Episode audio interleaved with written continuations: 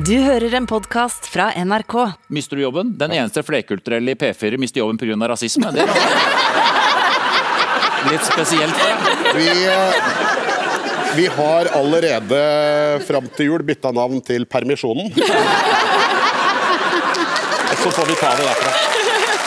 Nytt på Nytt kan du se på NRK1 klokka 20.55 i kveld. Og vi kommer til å gripe fatt i dette her i Fredagspanelet som er samlet nå. Vi begynner i studio i Bergen. Der sitter Erik Stolpestad. God morgen. God morgen. Du er redaktør i Studvest. Hva er Studvest? Studvest er eh, studentavisen eh, i Bergen, rett og slett.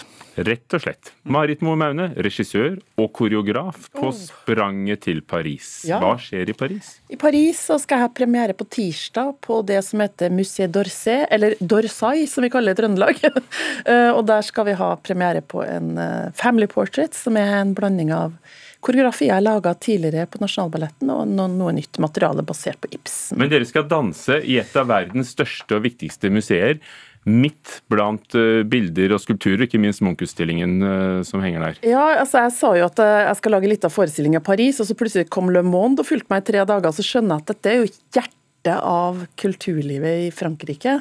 Men eh, det er ikke overraskende, for kulturministeren trakk frem eh, Ingrid Lorentzen og Nasjonalballetten, eh, den franske kulturministeren, når hun snakker om skandinavisk kunst. Så vi, jeg føler at jeg er en blindpassasjer på en suksess. Og sånn er det i Paris nå. Norske solister henger på store plakater i, i metroen. Katrine Sandnes, forlegger i JM Stenersens forlag, god morgen. God morgen. Vi griper altså som første spørsmål, etter den lille avstikkeren til Paris, fatt i eh, det vi hørte om akkurat. Eh, Komiker Atle Antonsen er anmeldt eh, for rasisme av redaktør Sumaya Jirde Ali. Nyheten er blitt slått stort opp, og denne uken eh, hadde vi også et intervju med filosof Lars Gule her i Nyhetsmorgen. Jeg tror ikke Atle Antonsen er rasist i ideologisk forstand. Vi kan likevel gjøre et skille mellom rasistiske handlinger og ytringer og en eventuell rasistisk ideologi som har motivert dette. Er dette et nyttig skille å trekke opp, eh, Erik Stolpestad? Ja. Katrine Sandnes? Ja. Og eh, Marit Moe Maune? Kjedelig nok, ja. Erik, eh, kom igjen. Hvordan skal vi håndtere dette, dette spørsmålet? Hva vil du si? Nei, altså ehm, Som med absolutt alt, så er jo nyanser og detaljer eh, nyttig å ha med seg. Eh, det, det jeg tenker er veldig viktig her, er at vi ikke er redd Altså at vi ikke frykter begrepet rasisme. Altså at det, at det ikke blir et ikke-ord som, som, som man ikke kan bruke. Eh, og det har jeg lagt merke til her, at, at det har man vært flink til å kalle det um, Antonsens handlinger for nettopp det, for rasisme. Eh, fordelen med å ha, en, å, ha, å ha et slikt skille, er at det gir oss muligheten til å gå inn i oss selv.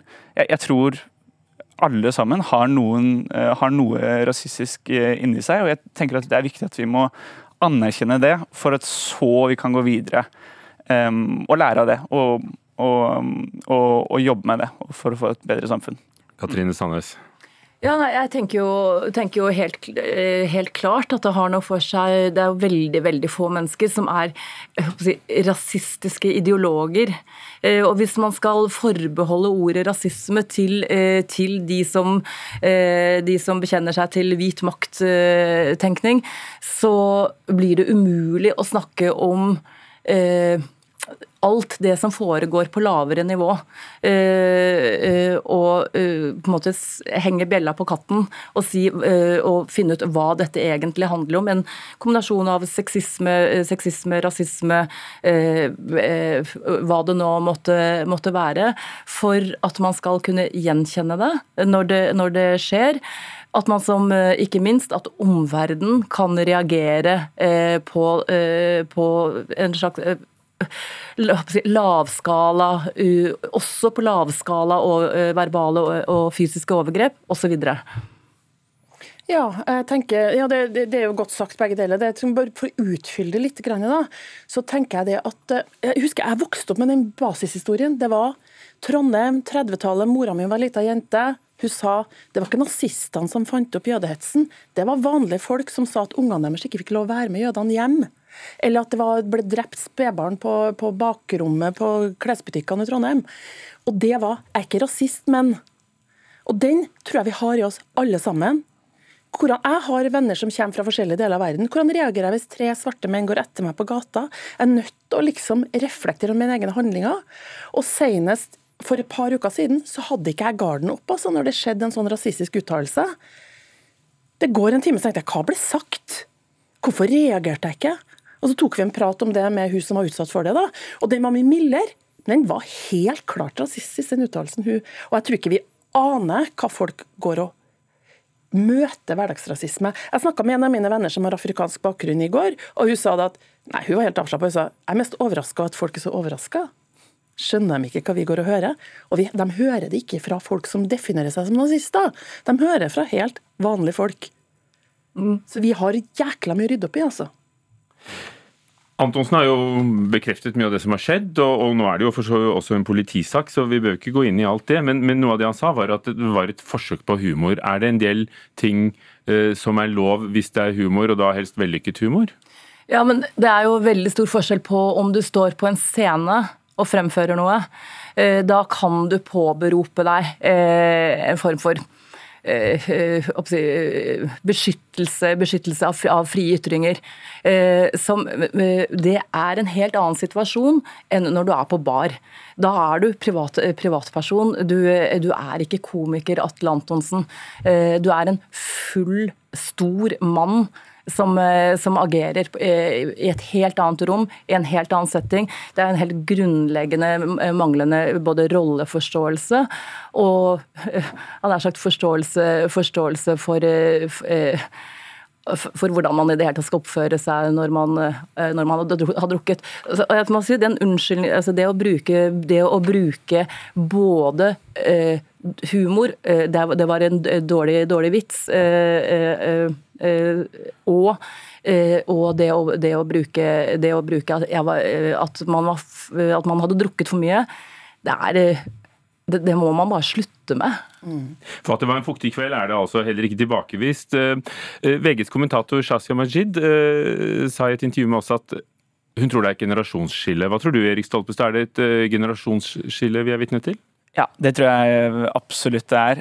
Um, og, og litt som forrige var inne på her, altså det er kontekst er også selvfølgelig utrolig viktig. Og veldig mye mindre komplisert enn eh, en en mange gjør det til. Altså det, det, er ikke så veldig vanskelig å forstå at i, i, i, visse, i visse settinger så er det ok å Eh, tulle med, eh, med vanskelige ting. Og, så, og, og, det her er helt sånn helt, åpenbart ikke um, humor eller et standup-show. og ja, så, så, så det, dette er, her er nok et lite generasjonsskille, um, hvor den litt yngre generasjonen um, har, har, dette mer innbygget, og, en, og en, kanskje en litt mer intuitiv forståelse um, av dette. Det, det, tror jeg, men de gjør det likevel ikke ok, og det er ikke en unnskyldning for det. Nei, altså jeg synes Eksempelet er bruk av N-ordet. Det eksisterer mye mer over 50 enn det gjør under. Jeg tror veldig mange voksne og tenåringsbarn skvetter når foreldrene bruker det ordet. Og det er bare tida for å ta et oppgjør med de tingene der. For dem er et symptom på noe mye dypere. Vi er rett og slett nødt til å begynne å si ifra og tørre å gjøre oss upopulære. Skal vi si det sånn? Ja. Eh, nytt på nytt, er, går det an å tulle med det på den måten Nytt på nytt gjør, som vi har hørt utdrag av? Sånn helt, helt kort her. Jeg syns det er herlig. Jeg. Veldig bra. Ja. Nytt spørsmål. Fotball-VM. La oss snakke om fotball-VM. Det kommer vi til å gjøre en del fremover. Vi har gjort det allerede, for det har vært mange negative overskrifter over hele verden. Ikke minst pga. hvordan Fifa tildelte dette VM-et til Qatar, og menneskerettighetsbrudd og, og, forholdene for, skal vi kalle dem, slavearbeiderne som bygde stadionene. Men nå sender både TV 2 og NRK reportere ned for å dekke mer enn bare fotballen. Det er et konservativt land. Dette med usømmelighet er viktig for qatarerne. Her er det ikke lov. Og for eksempel, jeg kan si det rett ut, hvis eh, noen står og kliner på gata i Doha, så er det ikke akseptabelt. Det er et lovbrudd. Ja, det er vår mann, Yama Wolasmal, som allerede er i Qatar. Spørsmålet er, kommer den kritiske journalistikken til å drukne i alt som handler om bare fotball, Katrine? Nei. Nei, det tror jeg ikke. Erik? Ja, det tror jeg. Så pessimistisk fra en ansvarlig redaktør.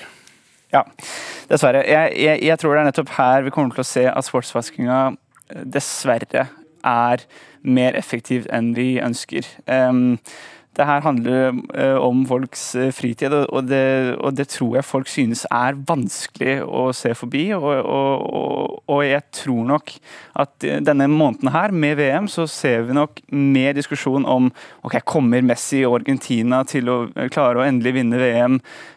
Blir han tidenes største? Vil Ronaldo gjøre comeback på, på, på landslaget etter en dårlig sesong i United? Altså, jeg tror disse spørsmålene dessverre kommer til å ta over mer denne måneden, og som er fryktelig trist. Um, men, men, men jeg, jeg, tror nok det rett og slett er uh, realiteten nå.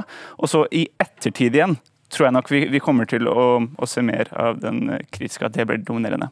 Katrine Sandnes, du elsker jo fotball. Ja, og jeg har vært i mange fotball-VM. Uh, og jeg har alltid tenkt at, tenkt at alle de fotball-VM-ene jeg har vært i, er så åpenbart politiske. Og jeg har alltid syntes det var rart at mediene ikke har dekket dekket, dekket det mer. Sør-Afrika Definitivt. Eh, Korea, Korea, Japan, absolutt. Tyskland, eh, ja. Eh, det, det var så veldig sterke politiske bevegelser i folkemassene og på stadionene og uten, utenom, som VM rørte opp, rørte opp, som var så åpenbart når du reiste rundt i landene.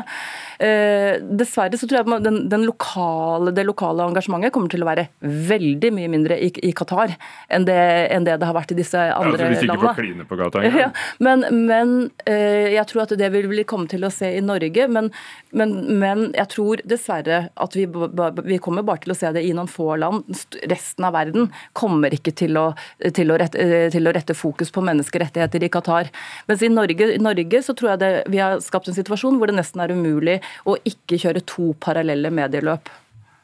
Jeg er enig med Katrine i det at uh, hvis du ser CNN nå, så er det altså en eh, sponsor, altså en markedsføring av Qatar som er altså vasking, turistvasking, vil jeg si, hele veien. Så de har så fryktelig mye penger. Så hvis, hvis vi kan dele inn pressen og faktisk si at også den markedsføringa er en del av pressens virkelighet, i hvert fall på TV, så vinner de jo så det står etter.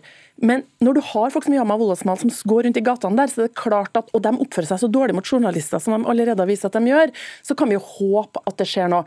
Men så må jeg samtidig si at jeg begynner å tvile på det svaret jeg ga når jeg hører, hører Erik i Bergen. For det er klart, det spørs hva media du ser på.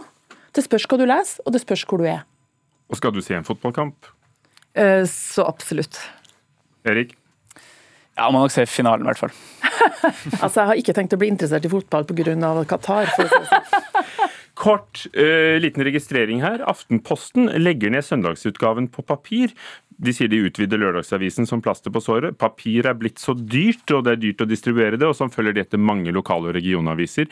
Det var noe annet på 90-tallet. Da hadde Dagbladet akkurat slått VG med ny søndagsavis i august 1990. Bare hør hva sjefredaktør Hanseid i VG sa da. Ja, men vi kom ut uh, søndagen efter, da. Så første søndagen i september var vi på gata. Og det er også meget god stemning her i Akersgata og uh, hos oss i VG. Vi er meget godt fornøyd med utviklingen. Men er det sånn? Kan det tenke seg, med forandringen som kommer og på tross av internett, at papiravisen har fremtiden for seg? Marit? Nei. Uh, ja. Ja, ja med forbehold. Ja, eh, Er du på papir i Studvest, Vest, eh, Erik Ja, det er vi så absolutt. Det er vi veldig glad og stolte av. Um, og det skal vi fortsatt være. Men, men jeg tror jo at papiravisene kommer til å fortsette den bevegelsen vi ser nå, at det blir mer og mer nisje, nisjeprodukter. Uh, Uten så mange nyheter, kanskje. VG skal gå i trykken fire timer tidligere ja. nå. Eh, jeg tror den hardcore nyhetsdekningen eh, kommer til å foregå mer og mer på skjerm.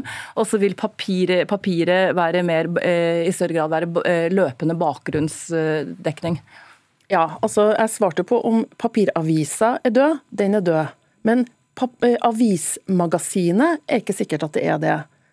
Men papirboken døde jo ikke helt, Katrine Sandnes. Vi sitter jo ikke Nei. alle med, med, med, sånne øh, lesebrett. Nei, og det, og det er veldig interessant, fordi, fordi eh, vi, øh, man trodde jo at boka kom til, å, kom til, å, følge avisa, men det man ser er at boka blir ansett kvalitativt som noe annet enn løpende nyheter. Mm. Eh, så vi har vært veldig overraska å, å se at folk definerer lesing av bok som noe kvalitativt annerledes enn det som foregår på skjerm. Men ingen trodde jo at uh, TV-avisen på kino, altså den den der filmavisen, skulle dø. Det var ingen som trodde det, for der samla folk seg rundt nyheter og sånn på kinoen. Den døde, for den var ikke nødvendig lenger. Men jeg håper jo at de magasinene jeg håper at det å få bakgrunn og sånn blir gøy. Men jeg blir jo litt sentimental når jeg hører om Magasinet og VG på 90-tallet, for det var klart, da var lørdagen noe helt spesielt når du fikk de avisene og du kunne sette deg ned med kaffen. da.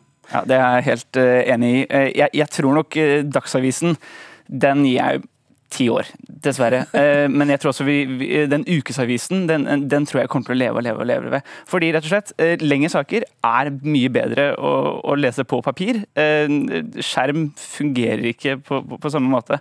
Så, så jeg tror nok det er det som er fremtiden, når vi stadig en måte, konsumerer nyheter på, på, på nyere måter. da. Nyere måter, som radioen, f.eks. Takk for at dere kom med de kloke ordene fra ansvarlig redaktør i Studvest, Erik Stolpetestad, Marit Moe Maune, regissør og koreograf. Snart å se på Musée d'Orsay i Paris med danserne dine. Og Katrine Sandnes, forlegger i Adams Steners Forlag, sier vi takk til Fredagspanelet. Du har hørt en podkast fra NRK. De nyeste episodene og alle radiokanalene hører du i appen NRK Radio.